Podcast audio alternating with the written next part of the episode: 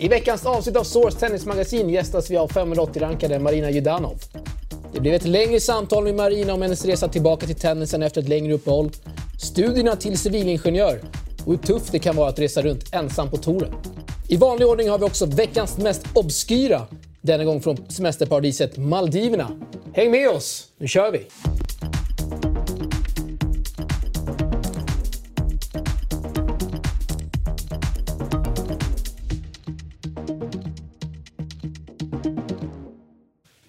Välkomna ska ni vara till ett nytt avsnitt av Source Tennismagasin. Och eh, som vanligt så har vi Patrik Ragan i studion.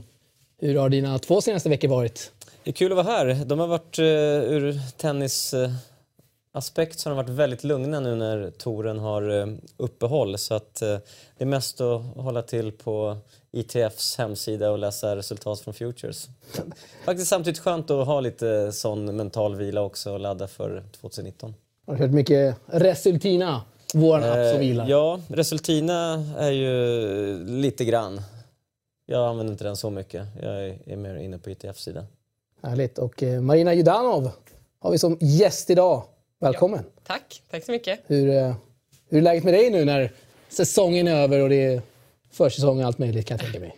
Ja, eh, det är bra. Jag spelade väl egentligen sista ETFerna i oktober och sen eh, kom hem och då har det varit seriespel eh, hela november. Eh, så vi spelat i, GLTK har spelat i division 1 i år för vi åkte ur elitserien förra året men gjorde vi en stark insats. Vi tagit oss upp igen med, ja, med besked egentligen så det har varit väldigt skönt. Så nu kan man säga att försäsongen börjar i december för mig. Jag såg, eh, var det 27-1 eller 28-1? 27-1. Den sista matchen förlorade vi. Allra sista matchen. Så Det är hade- sjukt starkt ändå. 27-1 i facit. det är bra, det ska vi vara stolta över. Tillbaka i elitserien. Mm. kul är det? Det är viktigt för klubben. Alltså det är viktigt att vara med i den största liksom, eh, arenan som man kommer i liksom, den nationella idrotten tycker jag. Eh, och för klubben, för tjejerna att vara med på de här resorna, träffa de spelarna som spelar i utlandet också. Eh, mäta sig mot dem.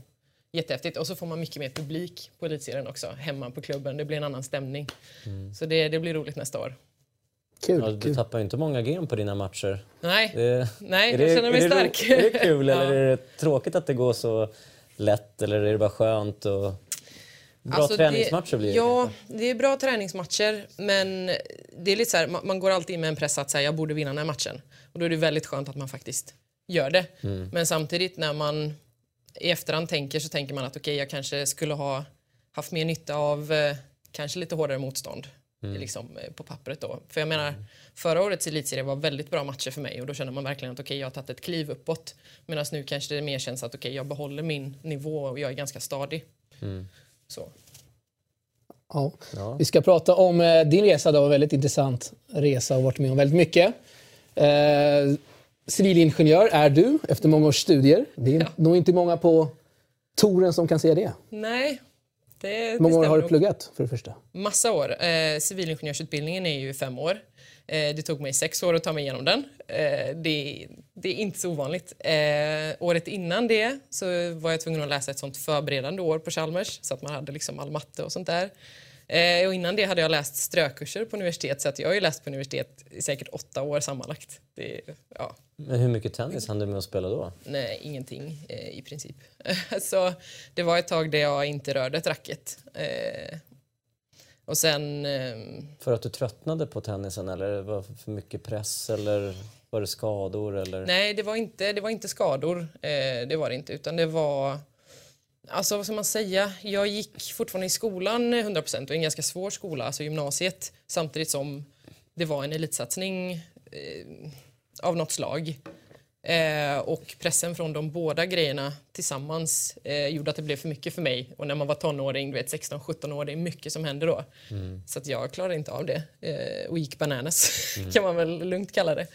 Eh, så det var därför jag la ner. Och det kändes väl att jag aldrig fick något ordentligt avslut, för det var inte ett medvetet val, utan det var bara någonstans livet tog mig ifrån tennisen. Ja.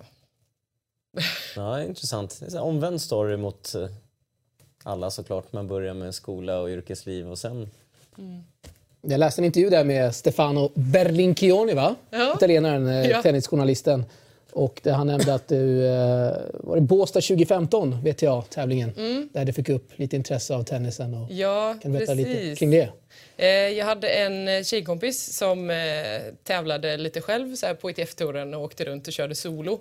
Som eh, jag tränade med några timmar på somrarna, liksom som, som sparring. Så här, eh. Och så ville hon åka ner på VTA och kolla. Så tänkte jag ja, men vi kan följa med, vi kan göra en dagsutflykt. Liksom. Det är kul. Och så kollar vi på de här tjejmatcherna liksom, och tänker man lite grann men så här... Det är, alltså de är ju bra. Men jag känner väl inte att det är helt ouppnåeligt. Och då tränade jag inte liksom helt, eller liksom mycket. Och, och, och se det, det gjorde väl att en tanke väcktes inom mig om att det kanske inte skulle vara helt omöjligt att ge det ett försök och se hur det skulle vara och spela någon tävling. Liksom, ja. Mm. Hur många år var det där du inte hade spelat då? Var det tre, Nej, fyra var- år? Nej, det var fler. Alltså, fler? Det var fler. När det var då i Eh, Båstad alltså? Mm, vad sa du? I, när det var i, kollade WTA-tävlingen i Ja. Båstad, hur många år var det sedan du hade tävlat? Var Jag tror jag spelade min sista tävling eh, sent 2007. Eh, Så 2008 Ja, till många år. 2014 spelade jag ingenting, tävlade ingenting. Så sen när jag väl anmälde mig till, jag tror det var en damsingel i Tabergsdalen eh, som första tävling så var jag ju så skakig. Du vet, det Mm. var så här, jag vet inte ens om jag kommer kunna sätta en enda serv när jag kliver in på banan. För det är sån skillnad på träning och match. Mm. Ni vet. Så här, finns den här matchnerven eller är den helt borta? Eh, ja, det var spännande att få börja om med det igen. Uppenbarligen så väldigt, vad ska man säga, att du gillade det med att du håller på fortfarande. Mm. Men hur ofta tänker du, hur, hur hade det kunnat bli om du inte hade haft det här uppehållet? Mm. Det tänker jag på till och från. Det ska jag absolut erkänna. Och, alltså jag menar, någonstans tycker jag väl att det är väldigt synd att ingen kunde nå fram till mig när jag var i den åldern och hade så mycket problem. Eh, och att liksom ingen visste hur man, hur man skulle hjälpa mig för att inte liksom, jag skulle lämna den här sporten som ändå är uppenbarligen betyder väldigt mycket för mig. Eh, så att det är väldigt synd och jag, jag var ju en, en stor talang. Liksom. Det var många som pratade om mig på juniornivå jag hade liksom ett stort spel som skulle också mogna med åren. Ehm, så ja, jag tänker på det, absolut. Det, det ska jag inte förneka. Men nu har jag min andra chans och nu tänker jag liksom, nu, nu jävlar. Nu gör jag allt jag kan för att det ska bli något av det. Det är, ju- det är topp 600 i världen eh, efter bara spelat ett år, va? Fulltid. Mm. Det är, Superkul att det du är har tagit den här chansen och också insett att, att göra det. Mm. Nej men eh, ja, det är ju... Jag kommer aldrig ångra att jag har gjort det här. Så att, eh, då vet man ju att man gör rätt. Om man kan känna så. Så absolut. Men som du säger att det har gått så bra också. Ja, så det är... Nästa år, jag menar några turneringar och det, du vinner en 25 som vi pratade lite om innan. Då vet man aldrig vad som kan hända. Eh, det kan ju gå fort i den här branschen, det vet vi alla, känner vi alla till. Och Du är sexa i Sverige bland damspelarna. Så det är... Fed Cup kanske om eh, tar några titlar, eller hur? Får, får vi hoppas. Ja, men det får vi hoppas att det är runt hörnet. Så, Ja, ja. ja, det är bara att fortsätta jobba. Och eh, så spelar du med enhandsbackhand också. Det måste vi ändå prata om här tycker jag. Det är inte så vanligt bland, eh, ja, men på touren, men framförallt bland damerna. Här ser vi lite. den är jättefin den där. är Alltså. ju kan man ju titta på ett helt program bara på den här, det här klippet. Låta den rulla här.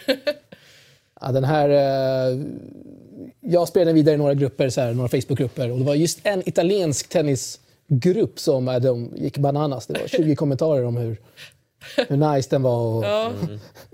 Ja, men italienarna verkar gilla vacker tennis. Alltså, de, eh, Ja, men de de är stora fans. som Ja, är en precis. jättefin enhandsbackhand också.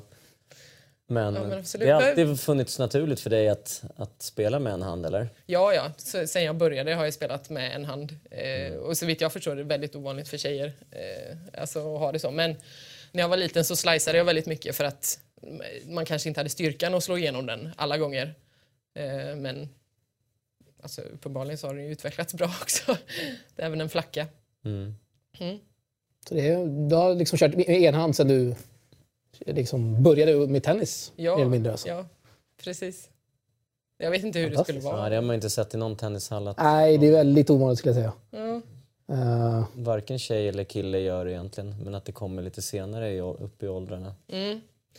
Wawrinka bytte väl när han var i tonåren till enhandsbacken. Jag tror Sampras var också Ja, en sån som precis. bytte senare. Så att, ja. Ja, mer enhandsbackhands vill vi ha, eller hur Patrik? Mm, nej, Ja, det det är vi. vackert. Det är något speciellt över det slaget, definitivt. Verkligen. Och, eh, vi, vi ska eh, prata om hur aktiv du är på Twitter, vilket är fantastiskt kul. Jag tror vi har en Oj! Några tweets. Eh, det här tycker jag är otroligt kul när, när vi ser en spelare twittra och ha sånt intresse kring tennisen. Det här ser vi inte är så vanligt. Jag tror inte vi har någon svensk som är så aktiv som du är. Och det är jag älskar det här. Ja.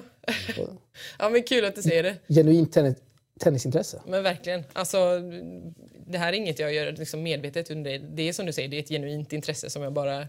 Ja, men varför inte få ut det och skriva vad man tycker lite och vad man känner. För att jag tycker det finns väldigt mycket i tennisen som eh, vi som har eh, en hel del kunskap skulle kunna belysa för de som kanske inte förstår exakt lika mycket och då skulle de få mer utav det.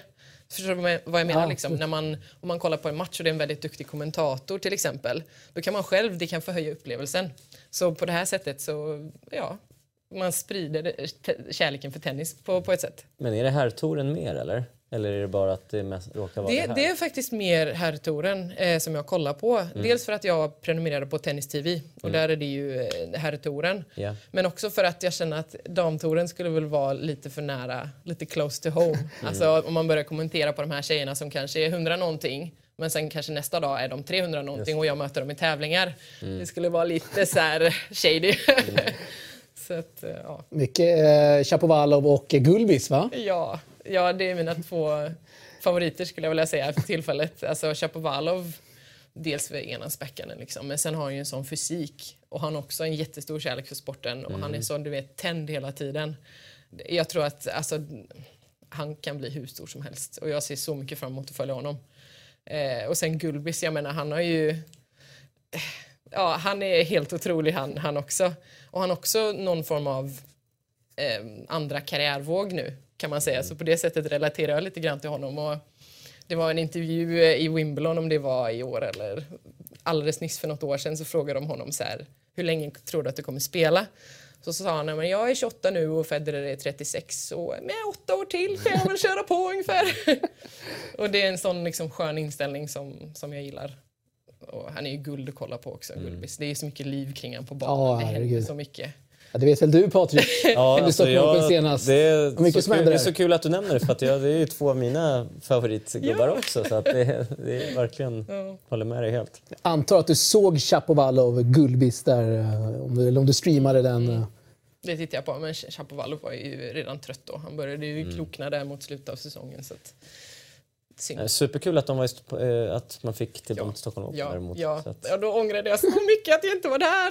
Mm. Då var jag i Japan och satt och liksom... Ja, mm. det hade varit kul att vara här alltså. Och se dem live. Ja, det var en Ja, det giltiga själv. Mm, ja. ja. Hade du önskat att fler svenskar, eh, svenska spelare twittrar och skriver lite tankar så här om vad de gör och Mm. instagrammar och... Ja, det hade varit kul att se lite mer dialog liksom, kring sporten. Lite mer tankar mer än att idag har jag träning, imorgon har jag träning, vet, nästa vecka har jag match. Alltså, alltid när jag träffar en ny spelare så frågar jag vilka är dina favoriter? För jag vill liksom prata om det och varför. Så här, är det för att du känner igen dig i dem eller är det för att du skulle vilja vara som dem fast du inte alls är det? Och, mm, det- jag vill gärna ha mer gensvar. Det hade varit kul om man lyfte det mer. Tycker jag. Jag håller med. Det är, kanske får bli vår fanbärare kring det här. Ja, vi får göra det tillsammans. Yes, och eh, vi har lite grafik från eh, ditt år här, 2018, där du ska få summera. Här kommer första delen. Okej. Om du eh, plockar ut någonting här som du tycker kanske som du kanske vill prata om eller som du tycker... Ja, Sticker just ut. det. Det här är väl... Där började och så går det Just det, just i det. tiden. Verkar vara grus, verkar vara favoritunderlaget i alla fall. Favorit och favorit, det har bara blivit så. Ärligt talat. Det är, Alltså, elitserien förra året, november, spelade jag på hardcourt och kände att jäklar vad bra flow jag har fått på hardcourt. Och av någon anledning sen så åkte jag ut och spelade på grus i Tunisien. Eh, och efter det har det bara blivit grus. Eh, för att det passade sig väl med dit jag reste och liksom sånt. Det gäller att anpassa spelet efter båda. Men här har vi nästan bara grus. Och, ja, så här... det har gått okej, liksom klarar mig några omgångar nästan varje gång. Och sen där var, i Frankrike var det tre tävlingar på raken där det gick liksom bättre och bättre för varje gång. Där jag kom till semi och verkligen kände att nu har jag spelat in mig på de här inomhusgrusbanorna. Så det var, det var en bra liksom, sträcka. Eh, så egentligen kan man väl säga att jag tror att jag spelar in mig vecka efter vecka på samma ställe. För det var också två veckor i Kairo då. Mm. Första veckan var inte jättebra. Andra veckan kommer till kvartsfinal. Så det är någonting jag har lärt mig under det här året. Att det ska man inte liksom, eh, glömma. Att, att, spela in sig på ett ställe. Jag tror att det har väldigt mycket värde för mig. I alla fall. Det finns ju vissa som kan komma till ett nytt ställe och bara wow vad bra jag spelar här. Men jag tror att jag behöver så här, bekanta mig med bollarna, underlaget, luften, vädret. Alltså, du vet, Eh. Hur var standarden där i Kairo? Man har hört lite olika stories om just oh. futures i ja. Egypten framför allt. Mm. Kairo var eh, en tung resa, skulle jag säga. Det var jättevarmt. Eh, maten var inte superbra. Och ska jag vara helt ärlig så kändes det mest som att de ville lura en på pengar oavsett vad, vad, vad som hände. Alltså, nu kanske jag låter lite hård men det var så jag upplevde i alla fall. Mm. Eh, men det var ändå en kul resa för jag åkte med en annan svenska och det är inte alltid man gör det. Jag åkte med Molly eh, mm. Helgesson. Vi fick känna varandra lite bättre där och det är ju alltid liv runt henne. Så det var jättekul mm. På det sättet att vi kunde dela det. Jag hade inte pallat vara ensam. Alltså, eh, det var så tufft alltså? Det var tufft. Ja. Molly var väl med På spåret i fredags? Ja, jag hörde ja, det. har jag missat? Är det sant? jag hörde det från min kompis. Kul. Ja, sen, jag måste bara kommentera den här matchen i Ystad, den översta. Jag tog första set 6-0. Sen hade jag 3-1 och ändå lyckades jag förlora den matchen. 7-5, 7-5 där. 7 -5, 7 -5. Tufft. Den var riktigt tung. Mm. Men det var efter den som jag åkte och tog eh, min första singeltitel i, i Holland. Så att du vet, det kan ändå komma något bra. vi har eh, del två också ja, här. Två. Eh, ska vi kika på mm. givetvis. Där kom det. Eller? Ja, Lite mer matcher, men uh, precis där. Alkmaar. Och tappade inte många game gjorde du heller. Nej. Sista. Nej. Jag... En dubbelpegel ser jag 6-0, 6-0. Ja. Och tittar man på oddsen så var ju de stora favoriter, de andra, de du slog. De två där? Ja. Ja. ja men de var rankade 300 någonting tror jag, ja. båda två. Så det var oväntat att jag vann det om man kollar till ranking, Just det. rankingpoängen. Nej, det var en bra vecka. Det, det känns som att under den veckan så fick jag väl berättigat att, att ja, jag gör rätt grejer. Du vet, och när jag gör rätt grejer så går det som det ska. Eh, för att när jag var ute på banan så från kvartsfinalen och framåt då kändes det som att okej, okay, jag vet vad jag kan göra, jag vet vad jag vill göra. Och det var precis det som hände. Och det var inte trans på något sätt. Det är det som är så kul. Alltså ibland går man ut och bara vad är det som händer? Det går så bra. Men det var verkligen så nej det här var exakt det jag ville göra och det gjorde jag. Så ja, det, det, var, ja, det var en bra vecka. Men när du väljer tävlingar, hur, eh, hur går man tillväga då? Det vill säga, att man bestämmer sig för att åka till Tunisien eller Egypten mm. eller Frankrike? Eller? Det är väldigt svårt, tycker jag, att bestämma. I alla fall har varit det för mig under det här första året. Att jag har fått mm. liksom lära mig själv allting. Alltså visst, man kan få lite tips av folk vart man ska åka och när, men i slutändan så måste du ändå lära dig det för dig själv, uppleva det själv. Tunisien blev det bara för att um, eh, idrottsgymnasiet Linköping åkte dit mm. och då kunde jag hänga på och liksom använda mig lite av deras mm. liksom, spelare och tränare som, som sparring och sällskap. Mm. Eh, och så åkte jag tillbaka där för jag trivdes ganska bra. Men sen är det mycket, vart kostar det si och så mycket att flyga? Mm. Hur mycket kostar det att bo?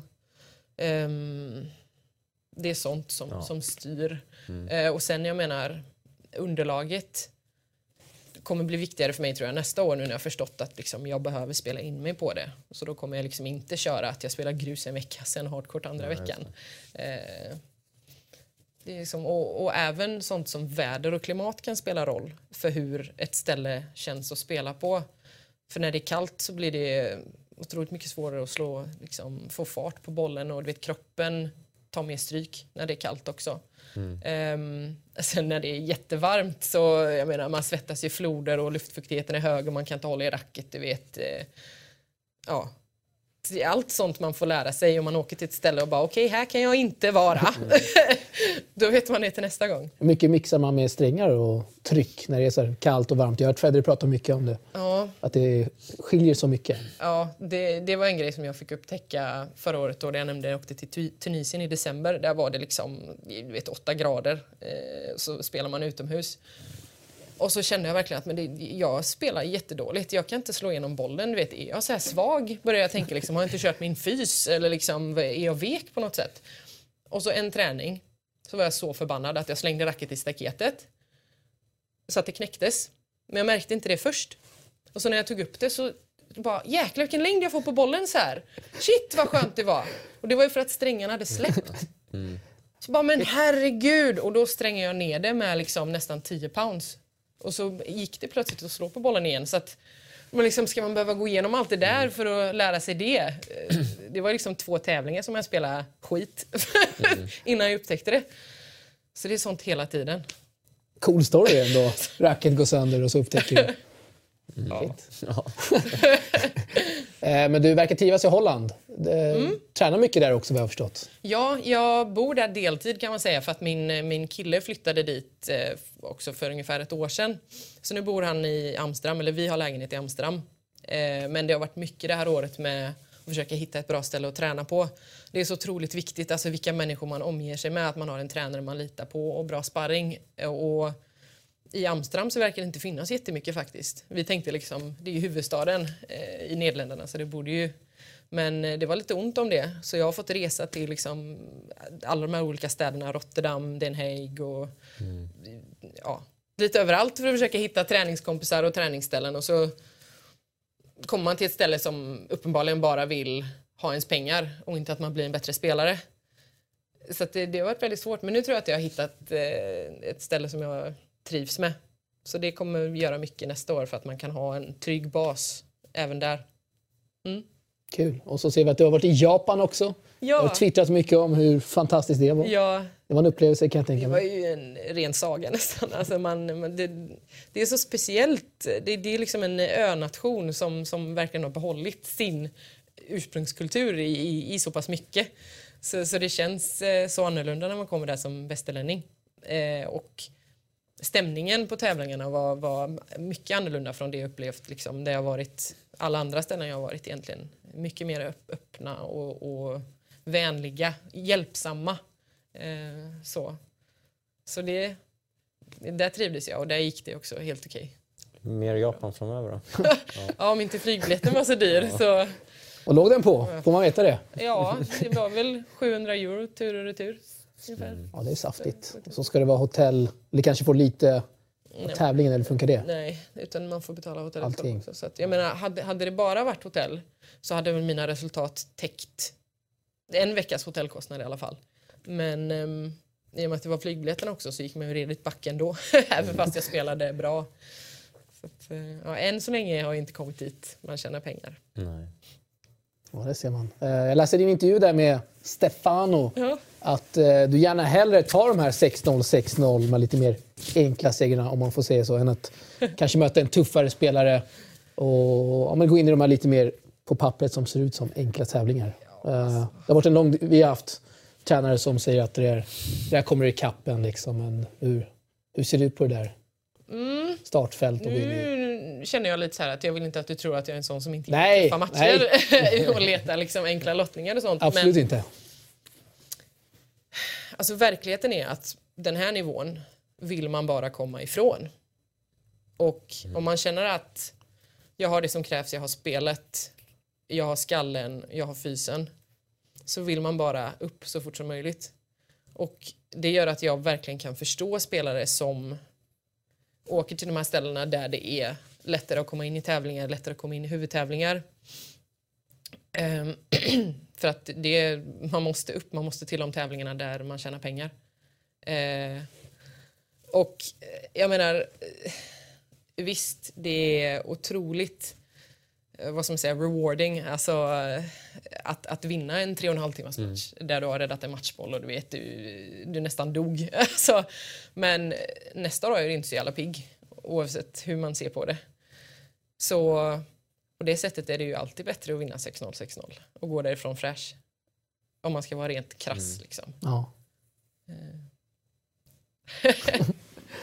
ja, eh, om du får eh, med några ord här summera ditt 2018. Hur, du ser du tillbaka på, på året? Mm. Det har varit eh, fantastiskt och också fantastiskt jobbigt. för att jag gör så pass mycket själv och för att jag fick börja från verkligen noll. Eh, det har gjort att det, var, det har varit fantastiskt liksom, hur fort det har gått och hur långt jag har kommit. Men också fantastiskt jobbigt med liksom, allt som man behövt sköta, sköta själv. Och, särskilt alltså efter det här turneringsvinsten. Det var någonstans där jag upptäckte att, eller begrep lite mer hur rankingen skulle se ut nästa år och insåg att shit, jag måste spela 25 år nu. Och då blev det att det inte blev någon sammanhängande tävlingsplanering utan det var så här, okej, okay, vart kan jag åka nästa vecka där det är en 25 Vart kan jag åka nästa vecka där det är en 25 Där det inte är för dyrt, där jag skulle kunna bo med någon. Och så släpar man på den här 25 kilos eh, resväskan med alla sina kläder sen fyra veckor tillbaka. Du vet, och tennisväskan på det och liksom jag åker till en flygplats och därifrån är det tre timmar tåg, en timme buss och så ska man gå i en halvtimme. Och det kanske inte låter så jobbigt men när det ackumuleras vecka efter vecka efter vecka om man är helt själv utan coach, man vet inte, man känner ingen på tävlingen dit man ska, man pratar inte språket. Det, ja, det kan vara lite kämpigt. Det är ingen dans på rosor, herregud. Ska Nej, det är folk veta. skillnad mot uh, VTA-touren, så det du nämner just med att man, det är klart att man vill så fort som möjligt lämna den här typen av nivå. Eh, Men vad händer nu då i Transition Tour nästa år? Det betyder att du inte kommer få behålla dina poäng du har tagit i de här I 15 000? 15 000 tävlingar, precis. Så alla de faller bort från VTA-rankingen och blir till, jag vet inte vad de kallar Det det. blir till att börja om igen, eller? Mm, inte helt för min del, för nu andra halvan året så har jag nu lyckats ta några poäng i 25 år. Så jag kommer lyckligtvis nog behålla, inte hela min VTA-ranking, men en stor del av den. Så att nu ligger jag 580 vid årsskiftet. När systemet ändras kommer jag ligga 660 Okej, som eh, jag har fått mejlat till mig av VTF. För de mejlar ju ut de här rankingarna då. Så det. det kommer innebära att jag kanske får kvala i 25 år, alltså att jag förmodligen får kvala i 25 år. Men då är det i alla fall inte sämre än vad det är nu. Så att, eh, ja. Men det, är- jag tror att det kommer vara många som inte har lyckats ta poäng i 25 år eller som inte kanske har kunnat resa så mycket det här året eller kanske har varit skadade det här året som inte har lyckats få ihop en VTA-ranking till nästa år. Mm. Som då får börja om på ITF och liksom ta sig igenom först det ena systemet och sen det andra systemet. Att, ja. Har du bestämt hur året ska börja, eller? Mm, jag sitter och filar på det nu. För att eh, i början av året, januari, är det alltid väldigt tufft med få tävlingar som, som då är extra alltså, svåra. Ehm, och som vi sa, liksom, det hade ju varit bra att åka ut och möta tuffa tjejer men samtidigt kanske jag helst vill ha fler matcher för att komma in i det lite. Så att eh, jag filar lite på att kanske spela några pengatävlingar först eller om det finns någon 15 000 och spela som uppvärmning. Sen åka iväg på 25 när man känner att matchformen ändå sitter någorlunda. Så. Ja, vi håller tummarna. Ja, det gör vi verkligen. Och eh, med det sagt ska vi gå vidare till eh, Svenskkollen.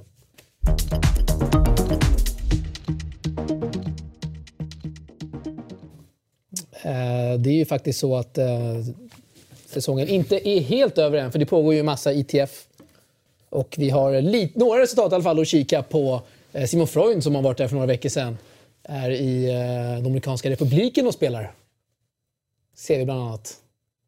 Eh, och så har vi Simon Jitbarek som tog sin första ATP-poäng förra veckan i Kamerun. Var en sån grej, Patrik? Precis. Sina första till och med. Han gick ju till kvartsfinal där. Stämmer. Och, eh, och där, det här blir lite grann på temat att välja lätta tävlingar för att på så sätt kanske få sina första ATP-poäng eller jobba sig upp lite grann. Och, menar, han hade ju ingen, ingen ATP-ranking innan Nej. när han valde att han skulle spela de här tävlingarna utan den här poängerna kom ju först in på nästa veckas ranking. Så den här veckan i Kameruns F2 så kom ju han in direkt trots att han inte hade ranking. Ja. Så att orankade kommer till och med in direkt på grund av att startfältet är så Uff, dåligt då. Och han vann ju sin första match där idag vilket gör att han har ytterligare en ATP-poäng. Fantastiskt! Så Det firar vi här. Ja, men det är jättebra ju att att faktiskt välja, välja de här. Niklas Johansson är där också. Han gillar vi lite vann extra. Ju, ja, men det är helt fantastiskt. Han är här i Kamerun. Jag såg att han är anmäld till Pakistan nästa vecka. Oj, oj, oj. nästa- Han har varit nästa- i liksom Kuwait och Uganda och... Guam. Just det. Ja, det, är bara att välja de mest obskyra orterna som han varit där. Men det är ju... ja, det gillar man ändå faktiskt. Ja men det gillar man ändå. Han jobbar sig upp till en Ja, ja. 1100, 1100 plats i världen på det. Ja, och sen är det ju liksom, kommer du dit, okej kan du komma vidare? Och kan du det så är det jättebra. Men kan du inte det så ja, då, då har du samlat de poängen du kunde. Och då får du väl vara bra med det. Och det kan inte vara jättebilligt heller. Och, tänker jag att resa till de här me, eh, obskyra ställena som man ser som är Nej, väldigt långt kan det bort. inte vara. Väl desto billigare att kanske leva där Ja, istället.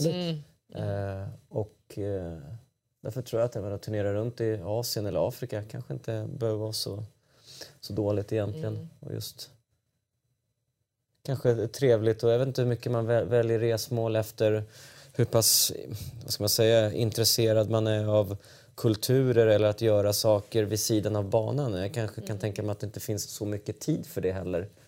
Nej, det brukar inte finnas så mycket Nej. tid för det. Eh, men jag menar, åker man ut och har flyg bokat några dagar senare, då passar man ju på liksom, Ja. medan jag ändå är här eh, och så.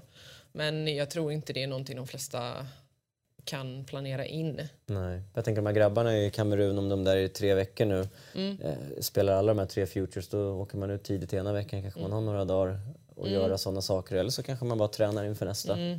Det beror lite på tror jag hur mentalt trött man är. Jag menar, är man, behöver man en reset så herregud, gör en dagsutflykt. Liksom. Eh, åk och kolla på lite grejer, lär dig något om landet du är i. Ibland är det så pinsamt, man vet knappt var man har varit eller vad, vad man har sett. Liksom. En gång på en flygplats, jag skulle ut genom tullen och så kom en tullkvinna fram till mig och frågade eh, “Where have you flown from?” Och jag fick ju liksom hjärnsläpp för jag visste inte vilket land jag kom ifrån. Så här, Till slut så bara Italien. så här. Men Då det tror var... de att du ljuger. Ja men precis, jag att fick, på. jag fick en här gummi där. Alltså. Var... Ja. Och Simon i Dominikanska republiken är ju kul. Han kvar din förra veckan. Förlorade, det gjorde han ja. förlorade i sin eh, första match men det var, det var, det var väldigt tajt. Det var nära att han också fick en ATP-pinne. Han har inte heller någon ranking just nu. Just det. Uh, hur mycket följer du resultat så här från svenskar? Och... Har man tid för sånt? Det har man väl. Men jag ska vara helt ärlig så följer jag nog ATP-touren mer. För det kan man liksom kolla på eh, matcherna. Här kan man inte se, se matcherna på samma sätt. Och om man bara följer resultat så kan man ju spendera otroligt många timmar på det och kolla liksom vem har den spelat på och vunnit där fast den förlorade mot den. Och till slut tycker jag man blir lite galen. Ja, det är häftigt med våra svenskar som eh, lirar. Eh, och eh, vi, ska, så här, vi ska kolla på eh, damernas eh, världsranking i singel. Svenska damerna. Och där har vi dig på en sjätte plats va? Mm, jag tror det. Ja, det är hyfsat. Vi är några stycken som ligger rätt nära varandra där, 500-600 strecket och tampas. Mm. Ja, det är 47 inspelade poäng. Stämmer det? Under året. Ja, det kan du väl göra. Det. Har du Jag tänker så det inte är fel här i, eh, i Tennis Explorer. Nej, det borde väl vara rätt. Men det ska bli roligt som vi nämnde innan och se hur det kommer eh, ruskas om i det här med tanke på systemförändringen till nästa år där man kommer ha två rankingsystem. Just det. Ja. Vad, vad blir eh, ditt mål nästa år? Har du något sånt uttalat vart du vill ligga? Och... Bra fråga. Nästa år förväntar jag mig att spela mycket bättre än vad jag gjort i år i och med att jag har fått mer förståelse för vad jag behöver för att spela bra, liksom vilka förutsättningar som krävs. Så jag skulle absolut säga att mitt, ett av mina mål för nästa år skulle vara att hamna inom topp 400. Eh, absolut. Eh, om jag håller mig skadefri, du vet, etc. etc. Eh, Du har lyckats göra det hittills eller? Eller har du haft känningar från tid till annan? Mm, alltså jag tror att man har små grejer eh, när man tävlar många veckor på raken så kommer det alltid upp lite små, små skräp alltså Mm, kroppen. Men eh, ta i trä, alltså inget seriöst Mm. som, som skulle ha stoppat mig från eh, träning eller tävling någon längre tid överhuvudtaget. Utan det har varit liksom, någon sträckning här och var. Eh, Mm. Så det är skönt, det är otroligt viktigt och jag menar om jag ska säga det, nu är jag ju så pass gammal att om jag skulle få en riktigt svår och kronisk skada så tror jag att det skulle innebära slutet på min karriär. Återigen, nu är jag väldigt krass. Men jag har liksom inte råd att vänta ett, två år rehab. Kanske inte ens ett halvår med rehab för att då får jag ju börja om igen. Utan nu gäller det att hålla sig skadefri så att jag kan köra på. Får verkligen hoppas. Eh, vi, ska, vi får inte glömma att prata om elitserien där vi ska gratulera Helsingborg. Ja. TK. Som, uh, först Det ser vi ditt lag, först ser vi ditt Det lag där. vi. Vi kan ta lite det. Eh, 24-0 och en match kvar imorgon. Det blev 27 27-1. 27-1. Ja. Fantastiskt. ja, Och, men det eh, var bra gjort av oss. Något, något att se fram emot nästa år då?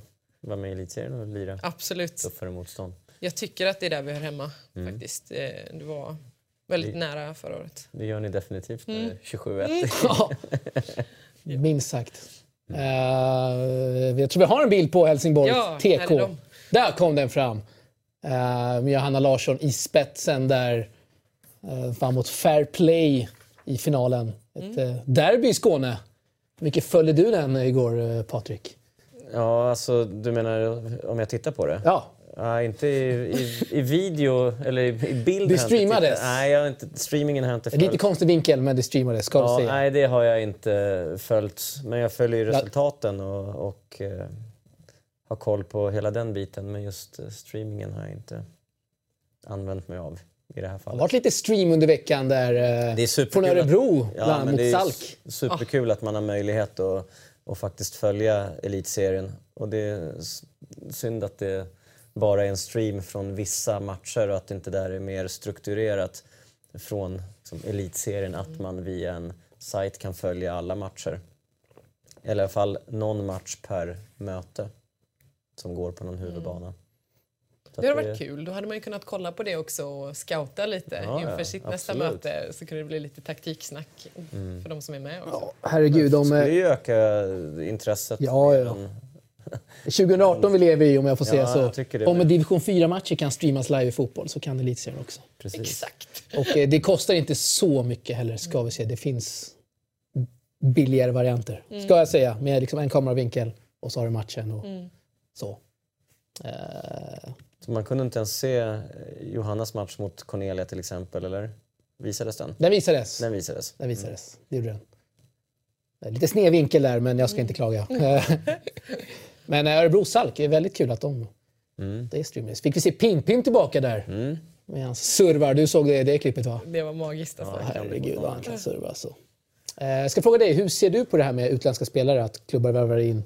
Det någonting du har tänkt på eller Mm, absolut att man har tänkt på det. Ehm, vad, vad känner du kring den diskussionen? det är ju lite blandade känslor. Jag menar, på, på ett sätt känner man väl att eh, det är svenska mästerskapen i lag eller i klubb så att eh, varför ska vi ha utländska spelare? Men samtidigt så är det väldigt utbrett i andra länder att man tar in utländska spelare för att bygga ett lag och även i andra sporter. Du nämnde fotbollen, jag menar där, Ja. det är ju det enda man gör. Eh, Ja, Och- Men det är helt andra pengar. Jag tänker vad man har liksom...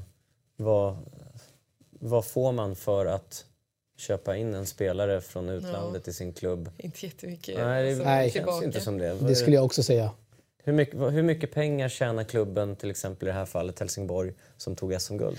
Det är någon skämtsumma tror jag. Alltså det är liksom en symbolsumma. Jag tror de får 20 000 vinnarna. Precis. Det Det är är inte ingenting mycket. i liksom... Nej. Vad kostar det då att köpa in en spelare? Ja, det Det är, varierar. man måste väl... Ja. Det låter som man att det några spelare så går man ju back garanterat, Ja. tänker jag. Mm, mm. Och, Jag, jag menar, fattar inte riktigt syftet eller meningen med det. Nej. Och jag menar också när man möter ett lag som har väldigt många inköpta spelare och man själv kommer där med sitt, sina lokala eh, så känner man sig lite snuvad på, på det för att man har utvecklat eh, sin stads talang och de bara har flugit in någon. Alltså, om de har sponsorer och resurser som man själv inte har som klubb. Så det kan kännas lite orättvist ibland. Mm. Ehm, Ja, Uppsala som spelar herrfinalen har väl ett gäng Solna har haft, Solna. eller har många. Eh, ja. Jag menar, det var någonting, vi diskuterade det på klubben bara häromdagen med min tränare Claes och han sa att han trodde att det fanns någon regel om att i finalen så, måste man, så får man bara spela med spelare som har spelat i grundserien tidigare. Att det fanns en sån regel. Men uppenbarligen inte för att eh, Helsingborg ringde ju in eh, Klara Tausson då som spelade två matcher i finalen. Jag tror den där regeln diskuterades med att man aldrig införde Ja, den. ja. ja, men så är det. Så att Ja. man kan ju fundera på sätt att göra det mer rimligt. Ja. Alltså, eh, med utländska spelare. Kanske att det får vara något tak på hur mycket det får kosta eller eh, att de måste spela sig så många matcher för att det ska räknas som att de faktiskt representerar klubben. Eh, Det är en bra fråga. Så har vi klubbar som eh, Kungliga till exempel. är ju helt emot det och bara köra sina egna spelare. Det, det gillar jag i alla fall. Ja, jag med. Ta fram sina juniorer. Eh, vi har massa frågor till dig. Tittarfrågorna kommer här.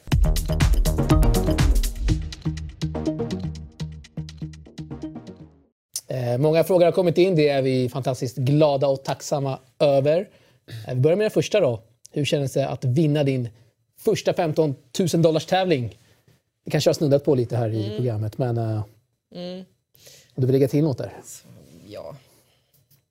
Det kändes som att mm, nu hör jag hemma här liksom. För att när jag började så var det väldigt mycket tvivel. Liksom, platsar jag ens på den här nivån? Och vad gör jag här? Eh, är jag ett skämt? Eh, liksom, någonstans. Eh, men efter att ha tagit den titeln så kändes det som att, lite som jag sa, alltså, nu vet jag att jag gör rätt grejer. Om jag gör rätt grejer så kan göra det jag vill på banan. Ehm, och lite känslan av att nu kan jag komma vidare från detta.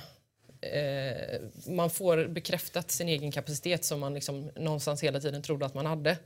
Men nu fick ut det på plan i ett tävlingssammanhang. Otroligt viktigt.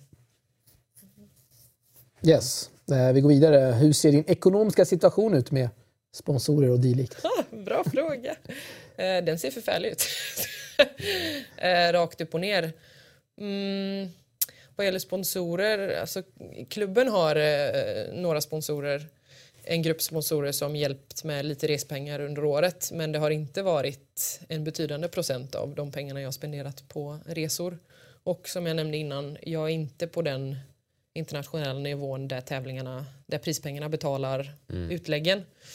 Eh, så att när jag började med den här satsningen så tog jag ett snack med mina föräldrar och så sa de att okej, du fick inte chansen att satsa, eller du tog inte chansen att satsa när du var junior när du kanske skulle ha gjort det. Och nu vill du verkligen, verkligen göra det igen. Vi gör så här att vi har lite sparpengar, du kan få en summa, så får du hushålla med det som du vill. Det är din uppgift att få det att räcka. Och då är det min uppgift att, att liksom hålla nere kostnaderna och dryga ut det så mycket jag kan med prispengar och kanske klubbspel i alltså serielag utomlands.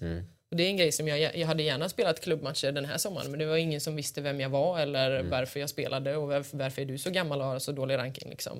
Det är klart de inte är intresserade av mig då men nu nästa sommar har jag radat upp liksom Holland, Frankrike, Tyskland så att då hoppas jag att det ska kunna dryga ut de pengarna lite mer men sanningen är ju att tar pengarna slut så tar ju satsningen slut.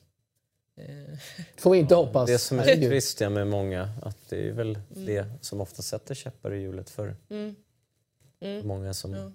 Det var kul, jag tänkte faktiskt eh, lite relaterat till det. När ni hade Fidde Rosengren inne Just det. så eh, sa han en fras som jag tänkte på eh, lite efteråt. Han sa rankingen ljuger aldrig. Liksom, säga vad man vill men en ranking ljuger aldrig. Och så tänker jag bara på de spelarna som inte har råd att åka ut och, och liksom kunna tävla så mycket som de kanske skulle vilja.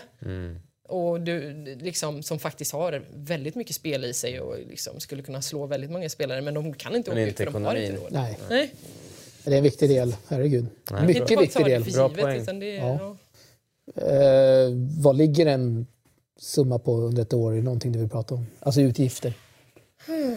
Du har varit ute ett helt år här. Ja, Runda slängor. ja. Nu, nu, nu får jag tänka till här. Eh, jag tror att jag har gjort av med minst 100 000 kronor. Mm. Eh, Borde det lätt kunna bli. ja, minst. Och då har jag inte betalat nästan ingenting för träning. För det får jag hemma i Göteborg. Det hjälper ju klubben med väldigt mycket. Det är jag otroligt tacksam för. Liksom. Banor, bollar, tränare, timmar. Um, utan det har varit flyg och boende på mm. tävlingarna. Jag tänker så här, bara Japanresan måste ju gått på 20. Ja, precis. Mm. Ja. Mat, hotell, flyg. Mm. Stränga ja, ja. material. Ja, ja. Mm. Och så, jag menar, jag har inte någon sponsor för utrustning heller. Mm. Så att racketarna, racketarna får jag köpa själv och det är ju en ganska stor engångskostnad egentligen om du ska ha fyra rack, 2000 spänn var. Mm. 8000 spänn. Så att om man börjar prata i rena pengar så ser det inte så roligt ut. Och helt ärligt, jag menar ibland när jag sätter mig ner och tittar på det här så tänker jag väl att gud vilken idiot jag är. Varför håller jag på med detta? Och liksom, om man tänker på vad folk kan tro också. Liksom, men gud, du reser runt, jorden runt och förlorar pengar. Det är ju rent korkat. Alltså, kärleken till sporten. Kärleken oh, ja. sporten. Så är det. Mm. Alltså, ja, det är någonting du lever drömmen som många andra mm. önskade att de ja. kunde leva. Mm. Därför vi hoppas att ekonomin inte sätter käppar för, för det. Ja. Nej. Om någon sponsor som går in här kanske kollar på programmet. Mm. Du Patrik? Definitivt. eh, många timmar tennis tittar du eller streamar under en tävlingsvecka? Blir det, blir det mycket sånt? Mm, som jag tittar på själv? Ja precis, alltså via datan och ja. matcher. Och, du twittrar ju mycket sådär, ja, mycket det. hinner man kolla? Just det. Nej, men man hinner väl inte kolla jättemycket. Man är ganska upptagen när, när man är ute på tävling. Faktiskt, så att det är särskilt om man har både singel och dubbel att mm. spela, då hinner man ju inte överhuvudtaget. Så att jag gör det bara när jag inte har match, skulle jag nästan säga. Eh, men en timma de dagarna jag inte har match skulle jag kunna säga att jag tittar ungefär. Jag gillar att titta på repriser också på matcher som man verkligen så här. Mm. Men du nämner dubbel här också. Är det någonting som du säga, spelar lika mycket eller kan tänka dig att satsa på om singelkarriären inte riktigt går som man vill? Jag tror att jag får bli bättre i dubbel i så fall. Ja, okay. mm. För där finns det ännu mindre pengar mm. än vad det finns i singel. Så att där får man vara ruggigt bra om det ska hålla sig flytande ekonomiskt mm. i någon mån. Det är kanske lite där Cornelia är nu, ja. sin 115 plats. Ja. Lyckats ta sig upp där. Och... vet inte alls hur hennes situation är men det hade ju varit jättekul om någon kunde göra karriär och verkligen mm. säga att äh, men, jag lever på detta nu. Mm. Det skulle vara otroligt inspirerande att höra från fler. Mm. uh, yes, om du hade fått ändra regel på VTA, vilken hade det då varit? Ta bort coachingen på banan. Väck! Försvinn, jag hatar det. Jag... Ja, Nej, så jag tycker verkligen det. Alltså jag ska inte... Tydligt svar. Ja. Tydligt, mycket tydligt, direkt, mm. distinkt. Mm. Mm. Jag tycker att tennis är brutalt. Du är ensam och så ska det vara. Eh, jag tycker det, det, det, handlar så mycket om liksom inre styrka och viljan att gräva dig ur det här hålet som du har satt i i en match. Om det nu är så. Liksom, mm. Hitta utvägar, hitta lösningar. Eh,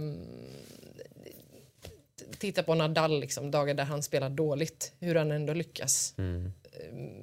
Med hjälp av den otroliga inre alltså krig, krigaren som, som han är ta sig igenom. Det är det, sånt som, som försvinner om man har någon som säger till en vad man ska göra. Men det är så konstigt att det finns bara på damtouren ja. men inte på Det är mycket märkligt skulle jag säga. Det, det, det, har det pratats om lite i sociala medier också. Att så här, ja. men hur ser det ut när tjejerna är de enda som behöver hjälp mm. liksom, och damerna mm. i nöd, ni mm. vet, som ska ja, räddas. Speciellt efter hela Serena-grejen där med mm.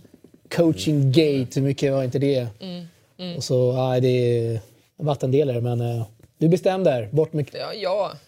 Ja, och, jag menar, och de har ju pratat om att införa coaching även på lägre nivå, de lägre nivåerna. Och det är också en aspekt att inte alla har råd att åka runt med en mm. coach. Liksom ska den ena spelaren behöva klara sig själv när den andra har möjlighet att betala någon som kan komma in på banan och berätta, slå på hennes backhand. Mm.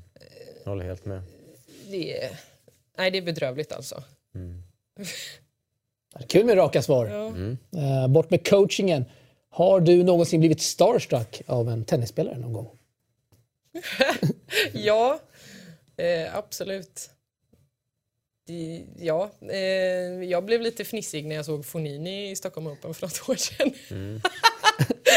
Coolt! Eh, ja, men han är ju alltså den auran han har kring sig och om sig. Ja, han är en jävligt skön kille. Ja, han är. Mm. skön men han framstår ju lite som en diva du vet. Och hur han går lite så här, vet, ja. ja det var, jag vågade inte gå fram till honom och be om en autograf alltså. Så, så blyg blev jag. ja, Vänta några år så kommer han komma fram till dig istället och fråga om en autograf.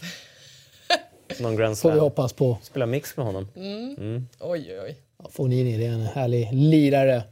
Eh, bästa, mm, eh, förlåt, bästa spelare du har mött? Mm, mm, mm, mm. Jättebra fråga. Jag menar, när jag var junior så mötte jag Johanna Larsson en del för hon är bara ett år äldre än mig. Hon är rätt bra nu.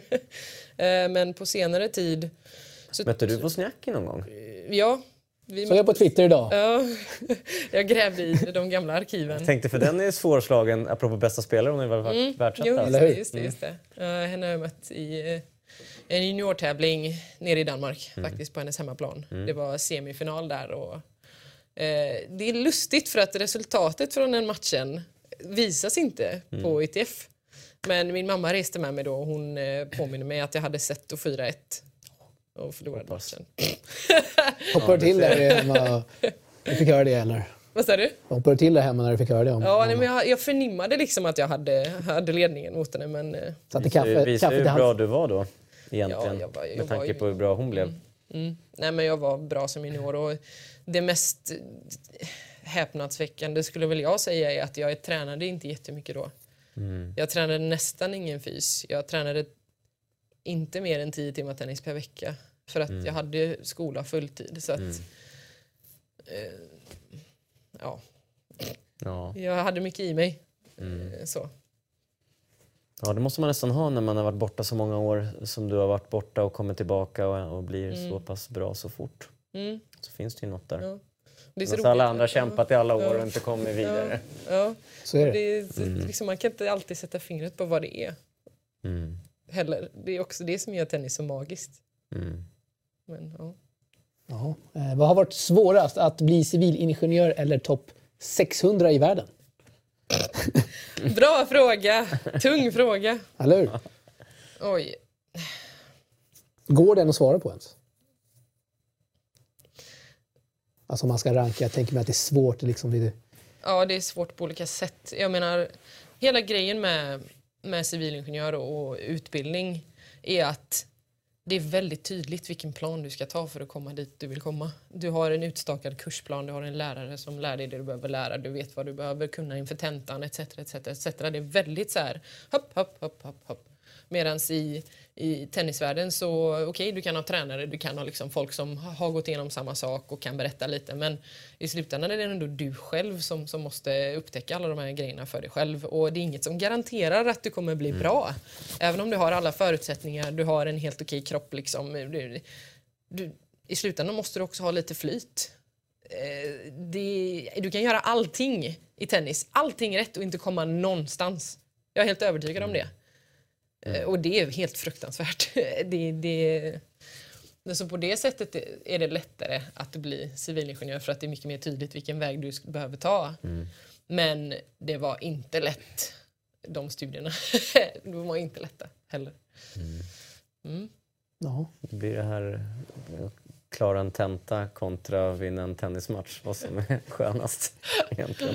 Ja, tennismatchen alla dagar i veckan. Alltså, det är helt andra känslor. Det är så mycket mer känslor i tennis och det är också därför jag gör det här. Eh, Det är också därför jag inte kunde nöja mig eller vara liksom bekväm i ett kontorsjobb i det här stadiet i mitt liv för att jag vill ha mer. Alltså, och alla de här the highs and the lows som man säger, liksom den upprymdheten som du känner när du, när du vinner en tennismatch som du har kämpat för, det, det kan inte mäta sig med någonting egentligen. Eh, och samtidigt, jag menar, om du går in i en tävling, du har gjort allting, du har förberett dig och så förlorar du första omgången. Alltså de bittra tårarna, det gör så ont alltså. Men det är därför man gör det. Ja. Eh, tack för de svaren och tack för de frågorna där hemma. Nu har vi vårt eh, sista segment här. Veckans mest obskyra. Veckans mest obskyra kommer här.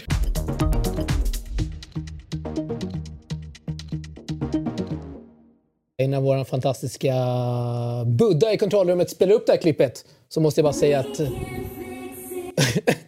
ja, det lite ljud. Äh, så måste jag säga att det har varit svårt att ta ut en veckans mest obskyra. För säsongen är i princip över. Och eh, ja, när vi har december månad så brukar vi se lite videos och bilder från eh, semestrar av våra tennisproffs. Nu ska vi kika på här vad som händer.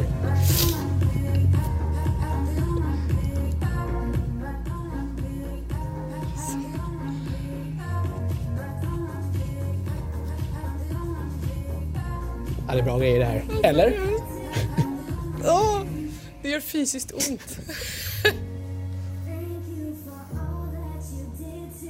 Ja, bra slut ändå. Ja, avslutet var helt... Vad känner du när du ser det här, Patrik? Kryper i kroppen eller vad? vad Nej, men jag, jag har ju inget emot såna här grejer. Jag, tycker, ju- jag gillar ju humor och jag tycker det är kul med folk som bjuder på sig själva. Och jag menar, han är fyra i världen och, och Melo är topp i, i dubbel. Och jag menar, ska de vara som robotar och inte ha några känslor eller personlighet, klart att de ska få spektakel. Det är deras tid på året som de kan slappna av och ha det, ha det skönt. Och det här, vad är det Maldiverna de är i, Ja, det är? Maldiverna, Mello och Sverige. Skön bromance där. eh. Verkligen. Och, vad känner du när du ser... Jag känner att jag inte vill se det där en gång till. Ska jag spela upp det en gång till? Eh, Ja, vi kör en gång till. Vi kör en gång till. Jag gillar du Patrik, eller hur? Musiken är faktiskt bra. Musik. Eller? Det är inget Eller? fel på. Mm. Sverre, talang i annat än tennis Det också. här det är någon liksom uppvärmning. Ja, oklar handskakning ändå. Oj, jag tyckte- Nej, det är bra. Det är, Vad eh. Undrar hur länge de har övat på det där ja, det är innan det har blev så här bra. Hur mycket koreografi, hur mycket Ja. improvisation liksom. Ja. Kanske årets mest obskyra, inte veckans. Ja. Kanske. Får ni kommentera där hemma vad ni tycker och tänker om det. Eh, ja, vi har inte så mycket mer att säga. Stort tack för att du kunde komma hit Marina. Tack för att jag fick vara här. Och eh, Patrik, Tack. rakan som vanligt ska vi säga. Och eh, vi har en uppsittarkväll kvar. Du kanske kommer. Möjligt. Ska inte sätta press på det här mitt i sändningen, men eh, 17 december blir en uppsittarkväll. Går live på Facebook. Du kommer vet jag, Patrik. Eller? Definitivt. Definitivt. Eller? Bra. Eh, 17 Det är december. första alltså. gången det går live då, eller? Ja! Ja. Jag tror vi gick första, första avsnittet tror jag vi gick live. Eh, flög inte riktigt sådär. Men eh, vi kommer vara live på Facebook. Uppsittarkväll alltså två veckor. Eh, då syns vi. Ha det så bra så länge. Tja!